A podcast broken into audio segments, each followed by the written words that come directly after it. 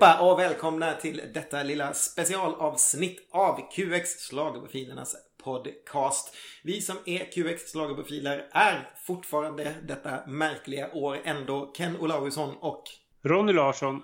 Jajamensan, det har i alla fall inte ändrats. Hej Ronny! Um... Hej Ken! vi har liksom inte pratat typ som vi var på efterfest med The Mamas. Nästan. Nej, efter det, det skar sig rejält på den där efterfesten.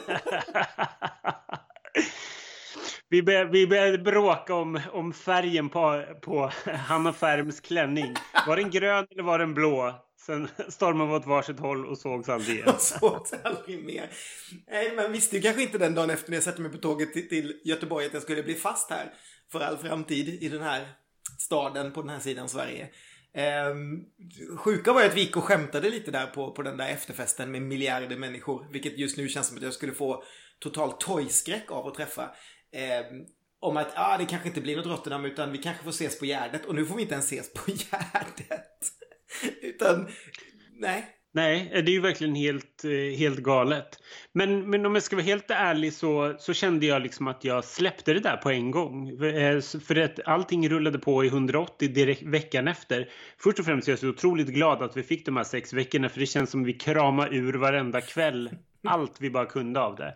Och hade så otroligt roligt och det blev en fantastisk turné trots att eh, vi kanske inte var supernöjda med slutresultatet. Men jag är så otroligt glad att vi gjorde det där och sen när, när det här beskedet kom då kändes det som att man var så orolig för allting annat så att bara, aha, det blir ingen Eurovision, ah, ja men det kommer inte som världens överraskning och så släppte jag det lite grann.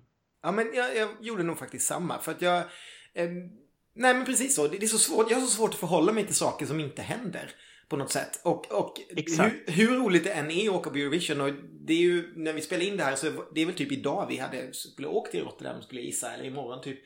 Um, mm. Så så jag har så svårt att förhålla mig till det för jag har aldrig varit i Rotterdam. Så man vet ju liksom inte vad man missar ens där. Utan det, är ju bara nytt på något sätt. Och för min del, ja, visst det är, en, det är en bunt med låtar men det är ju musik som allting annat. Så det är inte så att jag liksom på något sätt saknar det. Och eh, jag vet att folk har frågat i bloggen så här om vi inte skulle göra inför Eurovision-poddar i alla fall. Och det intresset är helt noll för mig. Jag har inget intresse av att sitta och tycka till om låtar jag aldrig får veta hur det kommer gå för.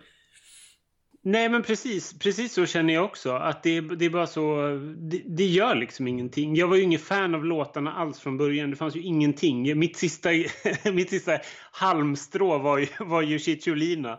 Och sen när de var det uttråkiga Axel, då bara, nej.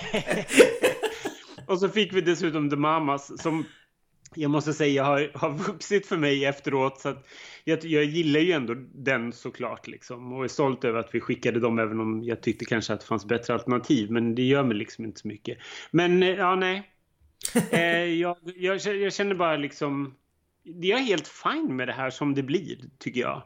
Ja. Det nej, men... så här, ingen annan upplever ju någonting heller i världen. Så, så det är liksom, man, man går ju liksom inte miste om någonting. Nej, jag håller med dig helt. Och det finns så mycket andra saker som, som är mycket värre eh, än ett inställt Eurovision.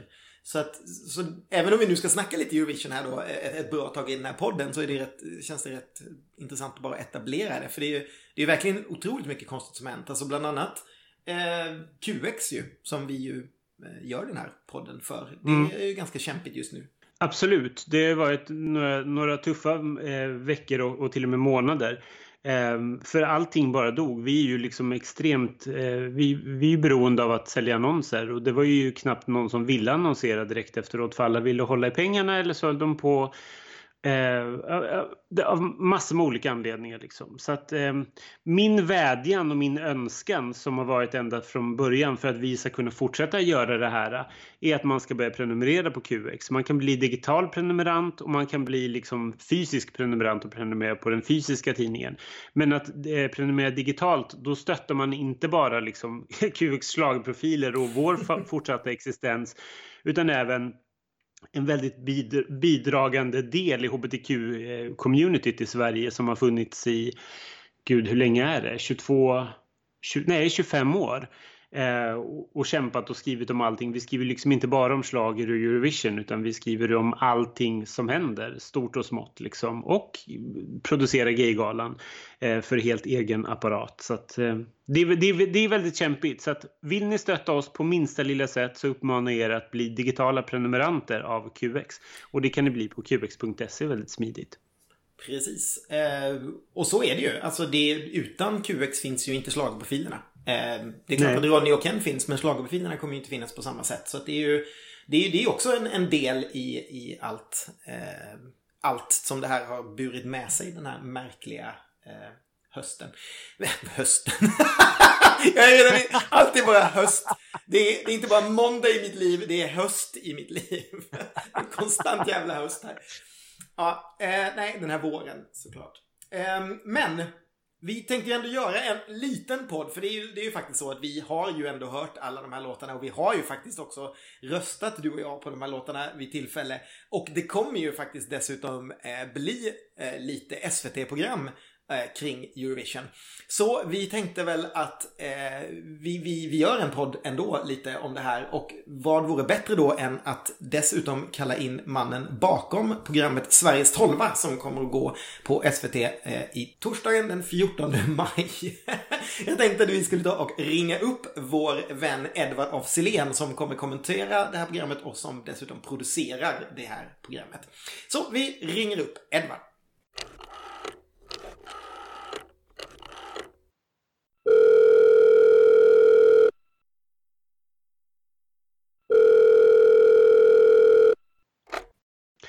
Hallå, hallå Edvard av Silén, hur mår du? Hej killar, jag mår jättefint. Jag kommer precis från SVT där studiobygget nu är i full gång inför Sveriges 12. Så det, jag, mår, jag mår fruktansvärt bra. Eh, om, om vi hoppar tillbaka lite grann i tiden, Edvard. Vad, vad har hänt sedan Melodifestivalen slutade och eh, fram till nu? Um, oj! Alltså jag följde ju årets Melodifestival som en vanlig så att säga, tittare i soffan eh, väl, eller hur? Ja, precis så var det ju. Så jag eh, har liksom inte... Det var liksom inget stort avslut för mig när Mello var slut Det var liksom bara ett härligt program som gick på som jag följde och så längtade jag till Rotterdam. Så jag har ju liksom bara, bara väntat på att få åka till Rotterdam för att få jobba. Hur länge har det liksom varit klart? För du, det var tänkt att du skulle kommentera. Det, det vet, antar jag att alla vet. Men eh, hur, länge, hur länge, lång tid tillbaka var det klart? Minns inte jag när jag fick eh, så att säga, fortsatt förtroende till det. Utan jag tror SD hörde av sig någonstans i sen höst och frågade om, om Rotterdam och jag tackade med glädje ja. Det är det roligaste som finns att kommentera tycker jag. Och det här, skulle du tangera ett rekord eller, eller har du redan gjort det nu med, med kommenterandet? Nej, jag har nog tangerat redan Ulf Elving. Så att jag tror att i år skulle blivit mitt mitt, mitt rekord. Så att, eller skulle jag nog slagit rekordet tror jag. Men det var min tionde gång skulle det varit i år. Det är inte klokt. Galet. Mm. Visst träffade du honom vid något tillfälle? Ja, jag träffade Ulf Elving. Det var ganska stort för mig för jag tycker han är, alltså han är ju fantastisk och hans kommenteranden var ju alltid väldigt bra. Um, han, han har så bra nivå tycker jag på, liksom, på, på kunnig och kärleksfull och lite nördig. Uh, och så jag, jag, gick in i honom i Östermalmshallen naturligtvis, var annars. Och och gick fram och sa hej Ulf, jag måste bara få, få hälsa på dig. Och då kände han igen mig visade det sig och han hade, han hade väldigt fina saker att säga och han, han, han tyckte om att jag fortsatte liksom traditionen förr än vidare. Det, var, det var superfint. Vad fin han var. Mm. Men nu är du alltså involverad i den här, vad ska man säga, det alternativa Eurovision kan man väl, kan man väl kalla det för. Ja. Vad är det som händer? Eh, det är ett program som är på lördag eh, som du inte är involverad i, som mm. leds av David Sundin och där Christer Björkman är sidekick. Där vi utser... Det programmet hette väl Inför Eurovision och det kanske det fortfarande gör, men nu är det ju snarare inför Sveriges 12. Så det, det, det programmet var alltid planerat, så det är jag inte inblandad i. Men jag ska titta på lördag. Mm. Och sen efter det så är det ett program nästa torsdag och det heter Sveriges 12. Hur, ja. började, hur började idén kring det här? Nej, men alltså, så, fort, så fort som coronan eh, kom och man börjar förstå att eh, det här kommer ställa till problem så blir man ju som kreatör så går man ju direkt igång på att, att sätta, alltså sätta sig i de holländska skorna eller träskorna och börja tänka vad, vad hade jag gjort om jag satt där nere? För jag tycker så otroligt synd om de holländska, liksom, de i teamet där nere. Tänk, fy fan, alltså när man kommer till jag tänker när jag själv fick göra Eurovision 16 och, och även 13, när man väl då kommer till februari-mars, då har man ju liksom allting då sitter man ju och skriver klart manus, typ. All, man har jobbat ett år med det här. Så jag kände så med så jag började tänka så vad hade jag själv gjort? Och så började jag tänka på alternativa versioner som jag antog att Holland skulle ha gjort. Jag tror jag, tror jag till och med twittrade om det att så här, jag misstänker att Holland kommer göra ett Eurovision som blir digitalt där man ändå liksom har ett programlederi i en studio utan publik, visar upp bidragen med vykort som de ju har skapat under året och sen så låter man folk rösta. Um, så jag var så bergsäker på det, så jag var ganska chockad när, när, när liksom Eurovision ställdes in fullkomligt utan någon som helst variation. Varför tror du mm. det blev så? Har vi någon, eh, finns det någon liksom förklaring till? För jag tror att många undrar varför, din, varför man inte hoppade på din idé. Liksom. Jag förstår. EBU gick ut och sa, eller berätta om jag fick, inte de ut och sa att de upplever att liksom DNA Eurovision är liksom live-upplevelsen och därför så känns det meningslöst att bla bla bla. Mm. Och det, det håller inte jag med om. Jag har full respekt för deras beslut men jag tycker nog att DNA i Eurovision är liksom tävlingen och att man korar en vinnare.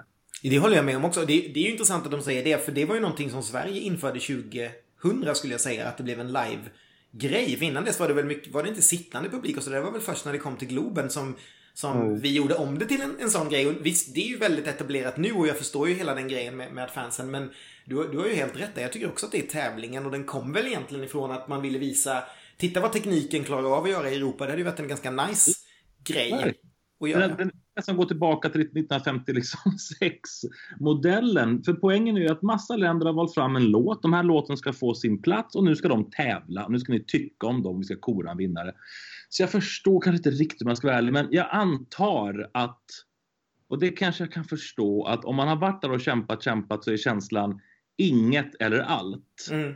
Och eftersom att Holland fick möjligheten att göra det fulltaligt, alltså allt, igen 2021 så kände de säkert att men då, då, då gör vi ingen liksom halv, liksom, halvmärs-grej i, i år, antar jag. Ja, jag antar det också. Och att man inte riktigt vad man skulle gjort med den vinnaren då. Skulle, för att om Holland då ville göra det igen, som sagt, då vill man inte kora en ny vinnare för då blir det lite så här, jaha, eh, jag Island, tror att, Ryssland vann. Men... Jag tror exakt det som är problemet. Att, att Okej, okay, men vad, vad, blir konsekvensen av den vinnare vi korar i år? Jag, jag tycker ändå att det syns. Jag hade, så här, jag hade suttit, suttit bara för att jag tycker det är kul och funderat ut, okej, okay, hur hade jag gjort det här om jag var i Holland? Sen kom beslutet, vi ställer in hela Eurovision. Och då var jag så chockad så jag satte mig samma kväll och skrev en så här tvåsidig pitch till SVT som jag kallade för Sveriges tolva. Som just var så här, okej, okay, då vi skulle kunna göra ett program som ser ut så som jag tänkte mig att holländarna skulle gjort det. Och då skickade jag det och då visade det sig att Christer såklart, som vi tänker så lika, hade tänkt, gått och tänkt en liknande sak. Och sen så fick jag min pitch och sen så slog vi våra, våra huvuden ihop. Och det vi kommer få se nu eh, på torsdag då, då är det liksom det är sex låtar som är direktkvalificerade och sen är det tio stycken från varje semifinal som svenska folket då röstar vidare till den här finalen precis som man gör i vanliga fall. Och så kommer det bli ett stort underhållningsprogram där ett resultat kommer redovisas och det här leds av Sarah Dawn Finer. Ja, Sarah och Christer tillsammans med Sarah. Stort underhållningsprogram tycker jag det ska kännas som. Det vill jag ändå så här brasklapp och säga att ja, alltså vi, det blir ju snarare ett, ett, ett litet men kärleksfullt underhållningsprogram. För det här har vi satt ihop på otroligt kort tid. Eh, verkligen. Men det här handlar ju om att jag vill att alla vi, alltså hela publiken som eh, ska få det som, ja, ja det här ska bli någonting istället för, så att inte det bara känns tomt. Så inte bara de här låtarna liksom rinner ut i sanden eller rinner ut i ingenting. Det här ska ge någon slags tillfredsställelse till alla de som har längtat efter Eurovision. Jag tror att det här programmet kan göra det. Förutom att du, din, din titel i programmet, är det, är det producent eller regissör? Ja, eller? Ovanligt många vi skapar det på ett så märkligt sätt eh, så snabbt. Men jag, jag är producent, regissör, skriver manus och kommenterar. Ja, precis. Och det var det jag ville komma fram till. Du kommenterar även fast du inte åker iväg till Rotterdam så kommer du ändå kommentera bidragen. Ja, så kommer det bli. Därför att en kommentators jobb är ju egentligen det som programledaren aldrig gör, vilket är att berätta om varenda lands artist och hur det har kommit fram och vad som kommer komma här nu. Så det vi har gjort är att, alltså jag vill ju att tittarna ska få en, en upplevelse som känns så mycket som Eurovision som möjligt utan att vara Eurovision. Så att vi har liksom ett öppningsnummer, eh, ett, ett, ett ett, ja, ett öppningsnummer, vi har programlederi och sen så har vi då skapat vykort innan varje låt. Vilket jag och en, en underbar redigerare på SD har suttit och, och grävt i Eurovision-historien. Så varje lands vykort blir ett vykort som det landet har haft någon gång tidigare under de senaste framförallt 20 åren. Och så har vi så att säga använt det och klippt ihop det med egen, egen grafisk form. Jag, jag, tror folk kommer, kommer tycka jättemycket om det hoppas jag. Så det ska verkligen kännas Eurovision. Och sen kommer jag kommentera vykorten och sen kommer bidraget. Och bidraget blir det som är liksom den officiella videon eh, från ja. landet. Så det är inte liksom, även om det finns liveklipp och sånt så är det de officiella EBU-klippen ja, som man väljer. Själva i land har sagt det här, det här tycker vi är det bästa sättet att visa upp vårt lands låt. Ah, okay. Och sen i slutändan så kommer vi få ett resultat och då kommer, det bli, då kommer vi få liksom den som skulle ha fått Sveriges 12 kan man säga. För då ingriper även en expertjury som du var ja. inne på. Ja, vi har, en, vi har precis som Eurovision så kommer liksom resultatet vara 50% jury, 50% tittare. Så vi har satt ihop en, en väldigt Eurovision-kunnig, intresserad jury då, som består av Fredrik Kempe, Dotter som är ordförande, Erik Saade, Charlotte Perrelli och Lina Hedlund. Uh, jag kommer själv sitta bredvid Lina så att hon, så att hon så att säga har något rätt på.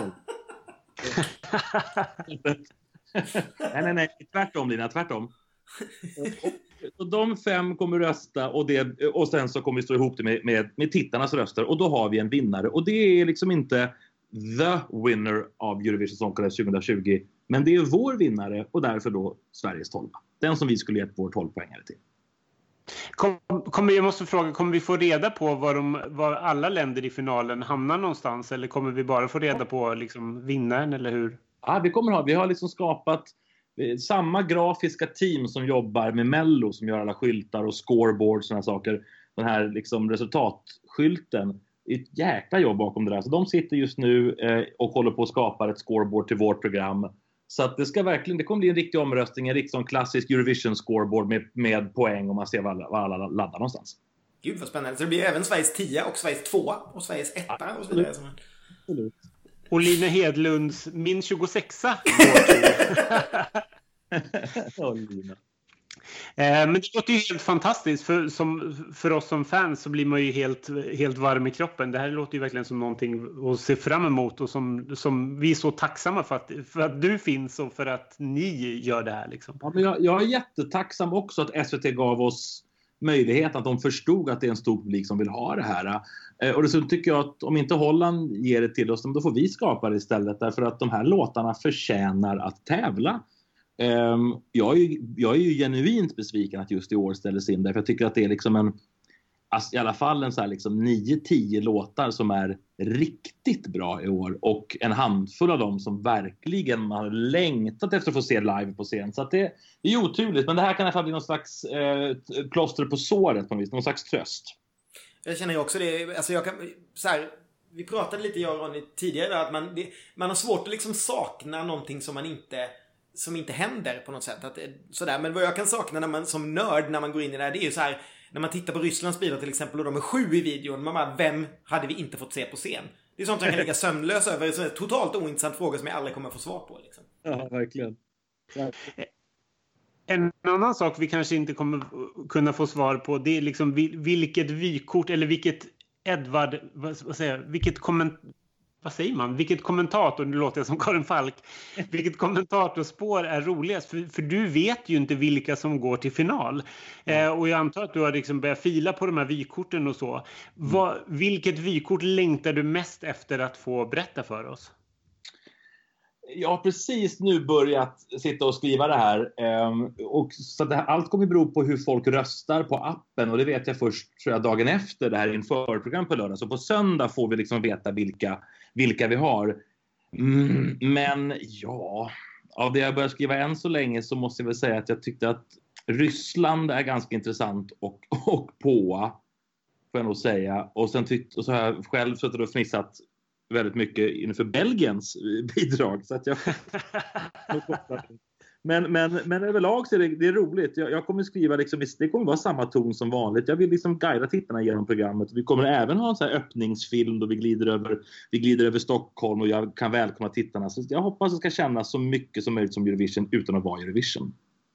Gud vad spännande. Jag, usch, jag måste säga, för att vara Mr Negg här, att min stora liksom eh, skrämselpuckel innan vi hamnar i det här fantastiska programmet på, på torsdagen är lördagen när, när folk ska rösta vidare eh, det här. För det kommer ju liksom, när folk kommer se det nu så kommer de ju gå väldigt mycket, det gör ju vi också i och för sig. Man går ju på, på det man har sett eftersom det inte finns något live att, att ta. Men att man kommer rösta på videos kanske mer än eh, än låten. Och också de här människorna som är inblandade i programmet. Jag såg att det fanns, det var en hel lista på människor som ska tycka till.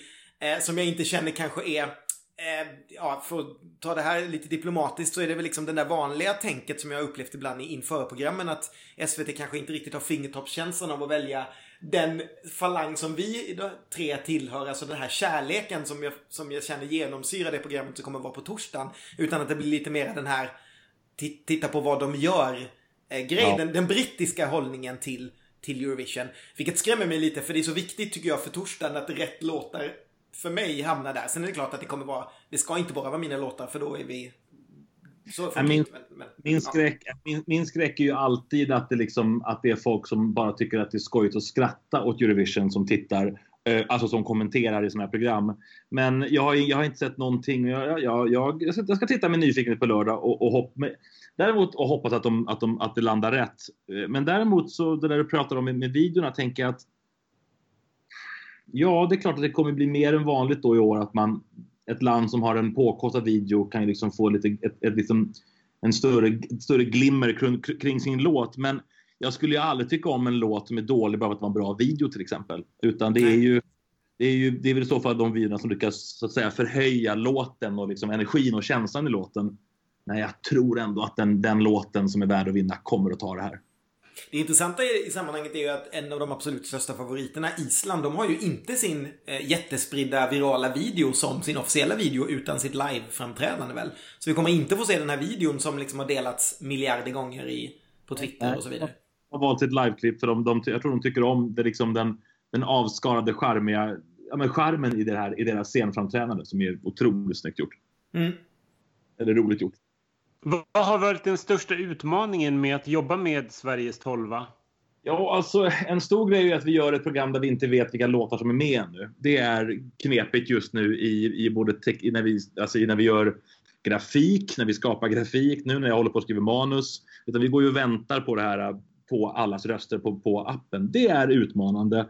Men vykortsgrejen tror jag var svårast. men herregud, hur, hur gör vi det här? Ska vi skapa egna vykort? Hur lång tid tar det? Det var en rolig nöt att knäcka. Men jag tror att vi har landat, att vi har landat, att vi har landat den rätt. Så det kommer bli kul. Vet du någonting om det där programmet som kommer på själva lördagen från EBU? För jag antar att det är därför vårt program är på torsdagen och inte på ja. liksom lördagen. Exakt så. Vårt program är på torsdag. För på lördag kväll så är det då EBUs officiella istället för Eurovision-sändning. Jag vet inte, jag har ingen aning och jag vill inte säga någonting som låter för kritiskt för jag, jag vet ju liksom inte men, men det är klart att det kändes som att den kom lite plötsligt. Alltså jag vet inte, jag vet inte om det bara är så här, var det här bara någonting att jag tror de kanske fick kritik för att det inte var någonting alls och då kände de att herregud, någonting måste vi göra och då kom det här programmet till. Personligen så är inte det kanske det som jag längtar efter mest. Att, att se alla artisterna sitta framför någon slags webcams och berätta och säga fina saker eller sjunga Love Shine a Light tillsammans. Det är liksom inte det som jag brinner för med Eurovision. Jag menar, jag menar inte att vara negativ och det är helt rätt att de gör en sån sak men det jag brinner för är tävlingen, låtarna, det här är det vi står för. Tyck till om dem. Det är det jag tycker om. Så att, ja, jag tycker det är viktigt att man gör någonting, att så många länder som möjligt gör, gör ett eget program. Hur, vilka, vet du om det är flera länder som gör ungefär samma sak? Ja, och, och, och, när jag väl säger det, vem vet? Jag kanske sitter på lördag och tittar på EBU-program och bara gråter när Moldaviens artist sjunger Love Shine a Light. Vem vet? jag är på att det kommer bli så. Uh, ja, det är flera länder som gör, som gör program som vi gör och faktum är att den pitchen som jag skrev har jag fått skicka till lite olika länder. Uh, Island till exempel gör ett uh, fick min pitch och blev jätteglada och gör ett eget program samma kväll som vi som heter Islanders tolvor eller någonting sånt som version som går ut på ungefär samma sätt. Så är programledare, de visar upp eh, finallåtar och så får folk rösta. Så det blir svinkul. Eh, en annan sak som har pågått lite grann i, i bristen på inför Eurovision, att folk längtar så mycket inför vad som, vad som skulle ha varit. Det har ju varit eh, Eurovision Again. Eh, ja. Där, där, där nyligen, eh, man får väl säga ditt program Eurovision 2016 visades där du gjorde en ganska rolig påa tillsammans med Petra Mede.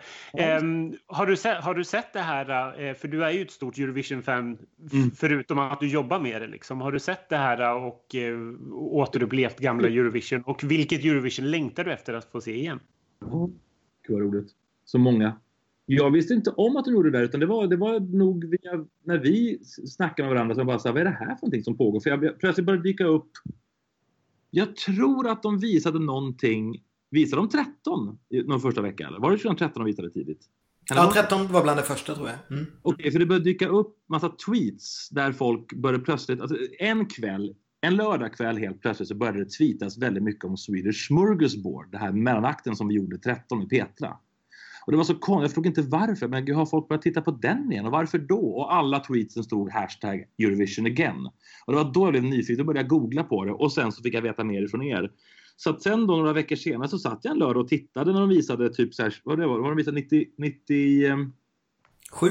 Sju. Ja, 97 visade de. Det var ju underbart att titta på. Vilken fantastiskt rolig smart grej att göra tillsammans titta på ett Eurovision igen och sen rösta igen och se är det samma som vinner. Det är sånt som vi gör liksom på våra, så här, på våra kvällar när vi käkar och röstar på gamla Eurovisions en gång till. Sånt är ju fantastiskt.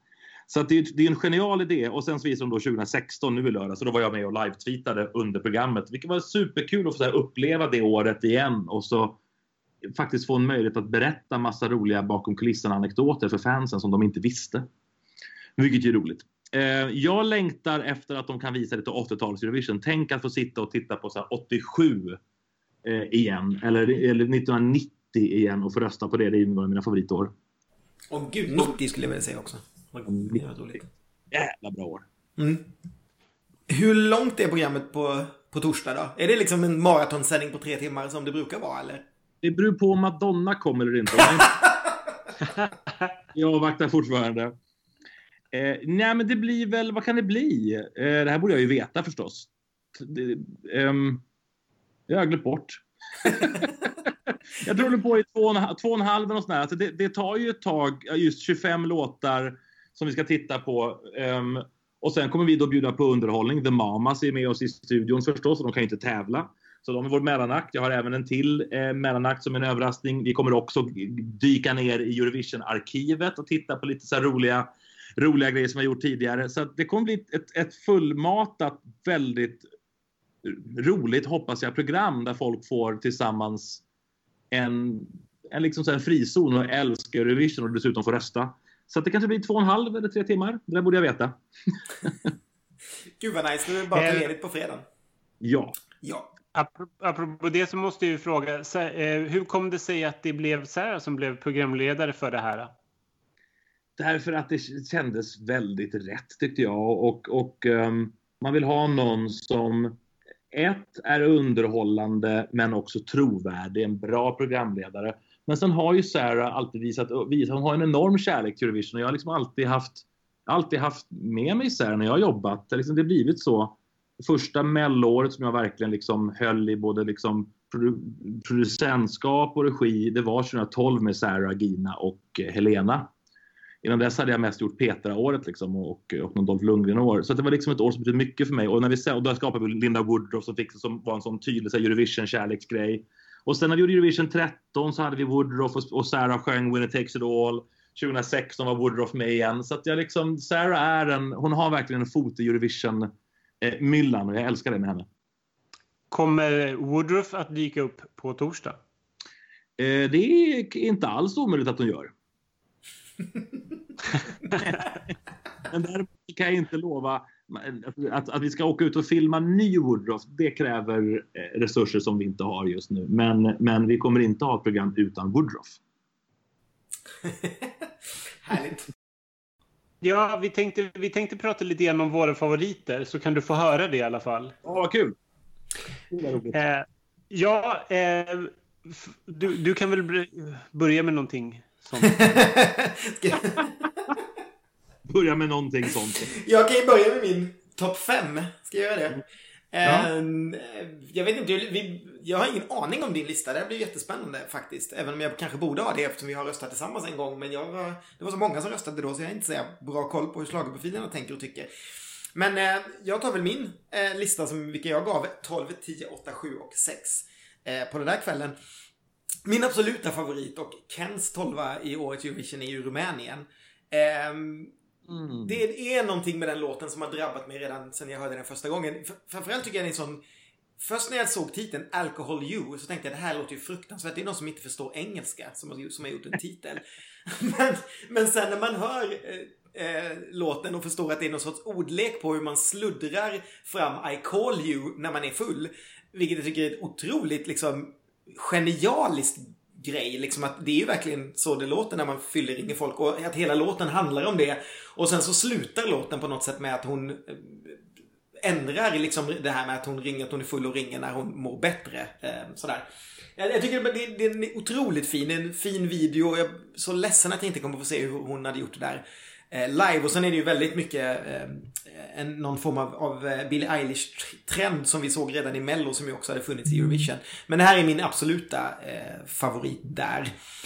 Ska jag köra hela min topp, eh? Jag, jag förstod inte att det var I call you, utan jag tror att det var det här liksom eh, jag, jag, tänker på så här, vad heter den här Pet Shop Boys-låten You only tell me you love me when you're drunk. Mm, mm. Jag tror det var en sån grej det här att, att alcohol you, I love you, att, att, den, att, att säga jag älskar dig blir påverkad av alkohol men det är svårt att säga det annars. Där var jag i huvudet. Eh, det där var ju jättefint.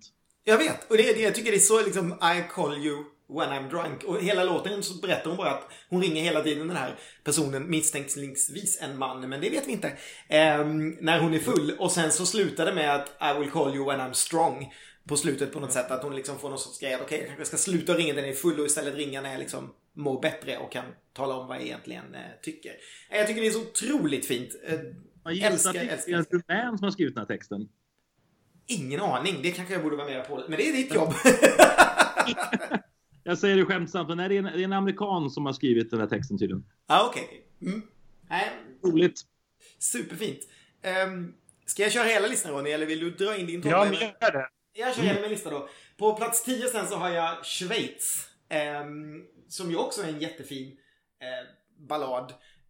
Bara också, den är, den är så oväntad på något sätt i sin uppbyggnad tycker jag med hans eh, falsett. Och jag grämer ihjäl med att jag inte fick se vad Sasha Baptiste fick göra med den där eh, eh live-numret. För att jag vet att hon skulle gjort det.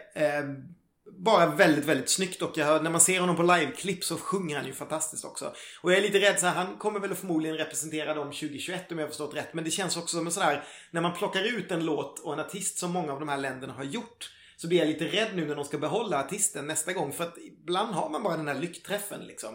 Eh, så att jag, jag, är lite rädd för hur det där kommer gå. Men jag tycker fortfarande det där är en fantastiskt vacker låt. Eh, och så min åtta då, ännu en ballad. Eh, Italien, som jag ju alltid har någon fruktansvärd soft spot. Alla som har lyssnat på mig i de här inför. Jag tror att Italien har varit min, har ju varit min favorit i flera år i rad. Eh, men det är någonting med det språket som bara funkar på mig liksom. Det går rakt in. Eh, och det här är väl inte kanske det starkaste man skickar på senare år, men de, sen de fick sin andra placering helt helt ovärdigt 2011 när de kom tillbaka så tycker jag att de har varit bra i stort sett alla år med något undantag. Eh, och verkligen är riktigt, riktigt bra. Sen min fjärde bästa då, eh, Tyskland. Lite oväntat. Eh, som ju har verkligen inte varit, ja de hade ju någon bra där för två år sedan, han som lät lite Ed Sheeran.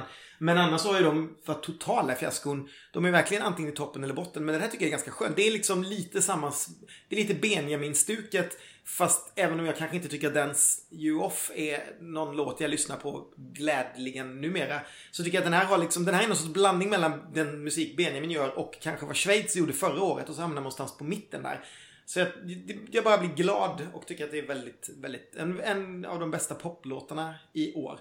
Och sen min fem... Det är också lite så här eh, One Republic, Maroon 5, det är den världen. Det är, den försöker ju verkligen vara modern danspopmusik. Jag tycker det är ett jättelyckat exempel. Ja, verkligen. Jag gillar den jättemycket. Och sen då på min femte plats Ryssland. Jag är otroligt glad på det sättet att vi slipper vara där och få reda på att de är homofober och sitta och vara jättenervösa för att vi ska behöva åka till Moskva. Allt det där som man inte tycker är kul med Ryssland.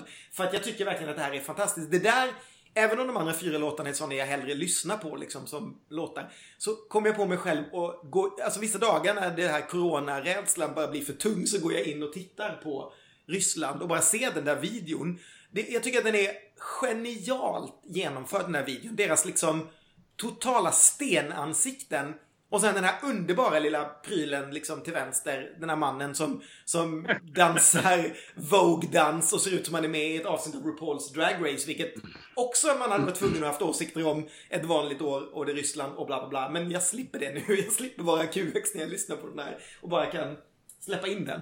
Eh, jag tycker den är helt ljuvlig. Så det är min topp 5. Underbart. Ja, intressant. Vi är inte, vi är inte, på vissa punkter är vi väldigt lika och på vissa inte alls. Eh, men vi har, ju, vi har ju redan röstat om det här i ett stort kompissällskap så vi har ju redan blottat våra röster för varandra. Jag har ändrat mig lite sedan dess eh, jämfört med vad jag tyckte då. Men, men på det stora hela så är, så är det väl ungefär samma. Jag kan ju villigt erkänna att jag inte eh, är någon större favorit av de två absolut största favoriterna Eh, så de kommer inte dyka upp på min lista. En har du redan, redan nämnt, Schweiz. Den berör inte mig alls. Jag förstår inte riktigt hypen kring den. Även om jag förstår att folk tar till sig den eh, så berör den inte, inte mig. Eh, det finns liksom, nej, det, jag vet inte, det är ingenting. Och Island, den klarar jag verkligen inte av. Ett av er nära på att sätta den sist, men det hade varit helt orimligt för den är såklart sämst. Men det är verkligen musik som jag inte, verkligen inte tycker om. Och jag tycker jag har extremt svårt för hela det här äh, alternativa södergänget med liksom likadana tröjor. Usch! Ja. Men nog om det. Eh, jag, jag har ju pratat tidigare om att jag inte har varit ett stort fan av det här året. Jag tycker inte att det är så bra låtar. Jag, liksom, här, jag fastnar inte för någonting direkt. Så att, min topp fem har jag kommit fram till. Det är så låtar jag tycker är bra. Det är ingenting jag tycker är så fantastiskt. Det är ingenting som jag verkligen brinner för och som jag lyssnar på om och om igen. Utan jag har på något sätt lagt lite grann Eurovision åt sidan och bara alltså, accepterat att det här är liksom ett 86 år för mig. 80, 86 är också ett sånt år som jag bara, har inget förhållande till någon låt. Jag tyckte inte om, jag tyckte liksom inte... 86? Jag vet, ja, jag vet, det är jättekonstigt. Jag hade liksom blivit ett jättestort fan. Vad sa du? Alltså, allt är bra 86, men det inser jag att det var också absurt sagt, men det är det ju inte. Men det är något konstigt med det året. Jag vet inte. Jag, liksom, så här, jag älskade verkligen 85. Jag var, så här, blev superfan 84 och sen ännu större 85 för allting var bra 85. Sen 86 så var det bara liksom Sandra Kim och så fanns det ingenting mer och sen har jag bara, liksom, bara glömt att det finns. Jag har liksom inte återkommit till det och aldrig, har inget förhållande till någon låt därifrån. Jag kan säga att det är så intressant. Jag har exakt samma med 93. Och jag, jag är så glad att höra dig säga det, för det så, jag älskade Eurovision på den tiden. Men av någon anledning så är 93 för mig helt svart. Och det är ett jättebra år har jag förstått i backspegeln. Men jag har ingen relation till någonting 93. Och jag vet inte varför. Nej, det är, jätte, det är jättelustigt. Så därför har jag och en kompis eh, beslutat oss för att återupptäcka 86. Eh, ja. Så jag måste utsätta mig för det här på ett eller annat sätt. Liksom. Men nog om 86. Ehm, så jag har helt, ett, helt enkelt accepterat att 2020 kommer bli ett sånt år. Men med det sagt, min tolva den går till en, ett land som Ken inte hade med på sin lista och som jag tror han inte har så högt upp heller. Det är Norge. Jag tycker att den här låten tycker jag är jättebra. I en rättvis värld så borde den vara en av eh, vinnarkandidaterna. För jag tycker hon sjunger otroligt bra. Det är ett otroligt snyggt nummer. Och den, den berör mig. Det är någonting i melodin som är, bara, som är bara jättesnyggt tycker jag. Eh, och jag har ver verkligen hatten av för att Norge skickar en superfavorit för andra året i rad för mig. Mm. Jag kan säga mm. att den ligger precis utöver min topp 10. Så, så den är ändå där, men den, den ligger ah, okay. 12 faktiskt på min lista. För jag har rankat alla i den här My Eurovision-appen. Så jag kan direkt kolla upp det. Mm. Ja, eh, min 10 den går till Ryssland och det skäms jag för. För att jag tycker att jag håller med om precis allting det du sa. Exakt allting till punkt och pricka. Eh, för jag har jättesvårt att, att erkänna att jag gillar det här med tanke på vad den här videon som har figurerat där han liksom uttalar, sig, sången uttalar sig jättehomofobt och så. Um, Och jag vill ju aldrig gilla Ryssland. Sergej Lazarev är en helt annan sak. Eh, men jag tycker att det här, det här, är ju genialt. Jag tycker att det är så snyggt genomfört och jag kan liksom inte titta mig mätt på videon. Jag tycker att den är, den är så härlig. Jag älskar den här tjej, tjejen i kören som, som blinkar liksom hjälp mig, hjälp mig. Hon är verkligen mitt spirit animal under den här krisen. Jag kan titta på henne hur mycket som helst. Det är liksom, hon, man kan inte bestämma sig för om hon bara står där och är sexig eller verkligen om hon behöver hjälp därifrån. Att hon är kidnappad. Um, sen min åtta, den går till Litauen. För det är nog den, den av de här låtarna som har nämnts som favoriter som jag fortfarande håller, håller fast vid. Det är nog den som jag gillar, gillar bäst. Eh, för jag tycker att den är, den, är så, den är så effektiv och jag tycker att numret är så coolt. Och jag, eh, jag, jag kan uppskatta liksom låtverket. Det är knasigt så jag, på ett sätt som gör, gör att jag inte personligen borde gilla det men jag tycker att det är så snyggt genomfört. Eh, och den, den här snygga melodislingan, det här instrumentala i refrängen tycker jag är skitbra verkligen. Eh, sen, vad blir det då? Min sjua, eh, mina fjärde bästa poäng då, det, de går till Bulgarien. Eh, och den här låten, när jag hörde den de första gångerna så fattade jag ingenting. Jag tycker det var jättekonstigt att man pratade om att det var en vinnarkandidat. Men sen när jag lyssnade på den när vi hade vårt, vår lilla kompissamling och röstade igenom alla låtar, då, då följer jag pladask. Liksom. Jag tycker att det var jättefint. Det här är ju liksom allting på något sätt som jag tycker att Salvador Sobral inte är. Det tycker jag är bara trams. Men det här är också lite grann en låt inom samma genre. Att det är liksom det här, det är så, det är så Disney-djupt. Men här tycker jag bara att det är så fint eh, när hon gör det här. Alltså jag tycker det är en jättefin låt. Det var den jag hade precis utanför min topp 5. Det är den som jag ger min eh, femma kan säga. Jättebra låt. Jättefin låt. Och sen så avslutar jag med att ge min, eh, på femte plats då sätter jag Italien. Eh, vilket kanske är lite överraskande men jag, jag tycker det är någonting i det här som, som berör mig jättemycket när han liksom tar i. Jag älskar när folk bara tar i och sjunger med så passion och desperation som han gör. Eh, jag brukar inte ha med Italien på mina, på mina listor förutom eh, Francesco, jag kommer inte ihåg vad han heter, bara för det. Gabani, precis. Men eh, för jag har inte lika stor vurm för, för landet liksom i Eurovision. Men den här, den här berör mig jättemycket. Jag tycker att det är en jättefin låt. Eh, så, så den får det bli. Och strax utanför måste jag bara tillägga då för, för husfriden och våra vänners skull, Danmark.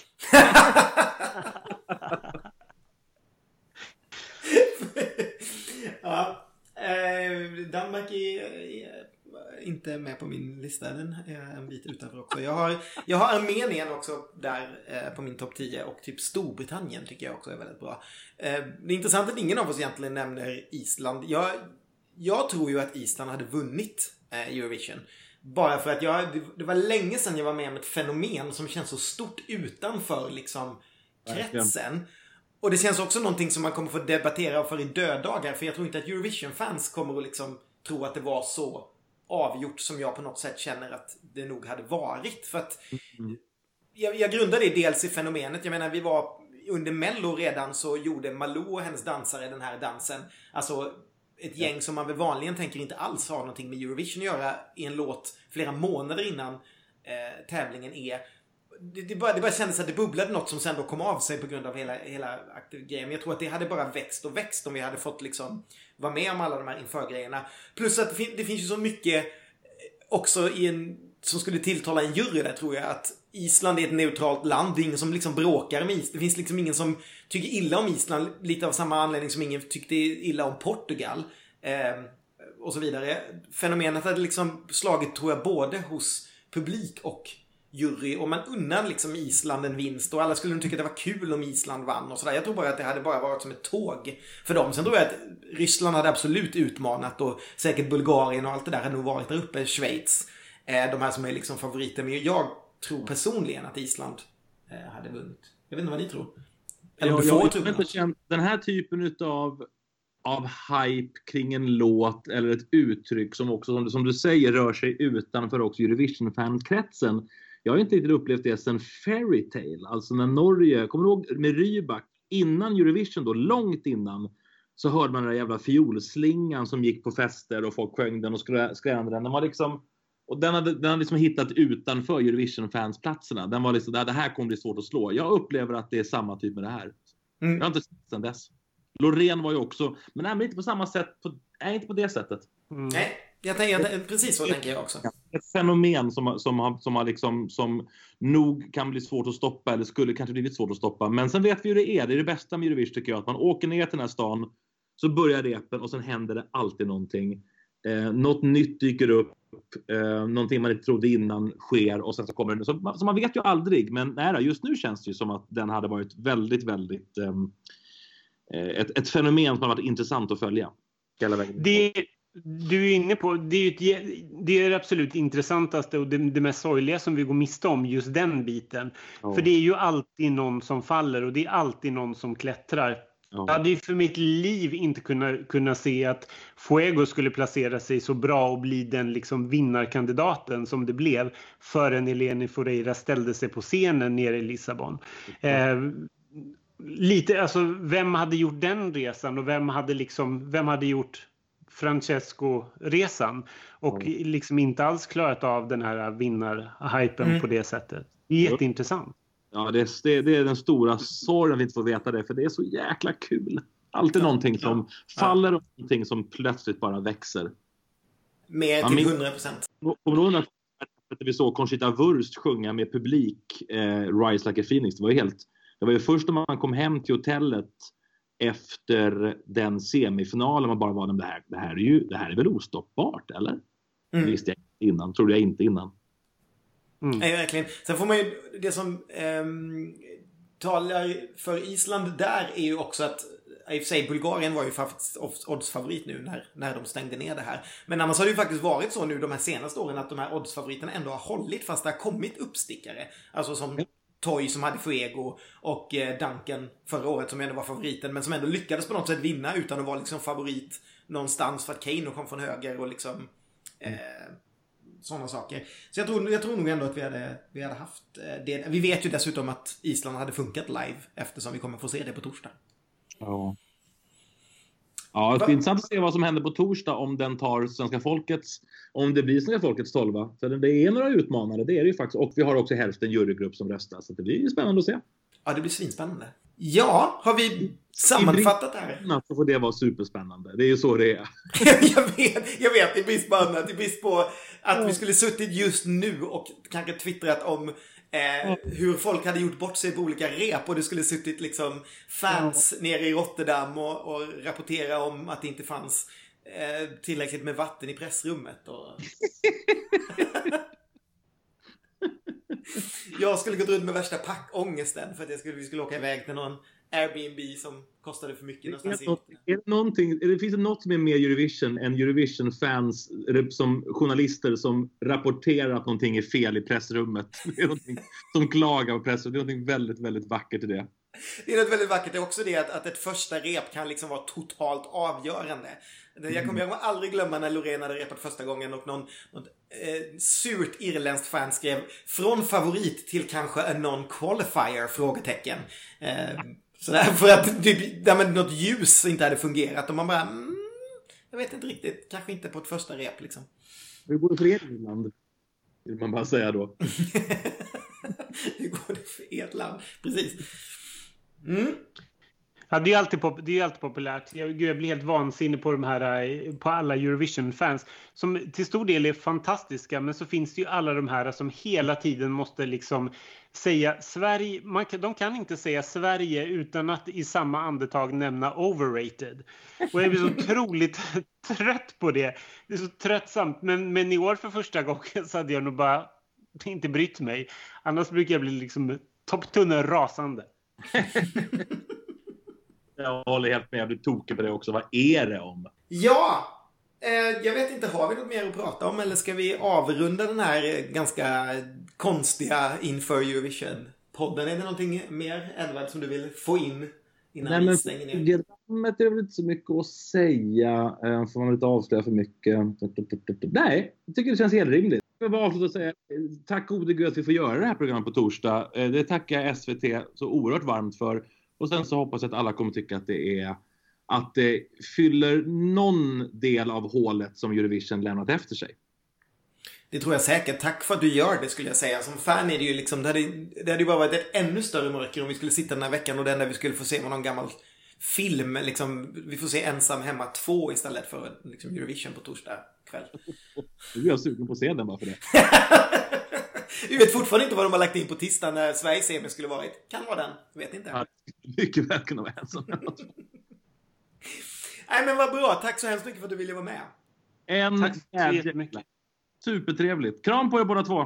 Kram så mycket. Kram, kram. Hej då. Hej. Och så eh, tackar vi för att ni har lyssnat. Och så hoppas vi att ni vill komma tillbaka och lyssna på oss framöver. Ha det fantastiskt. Ha det så bra. Hej då! Hej då!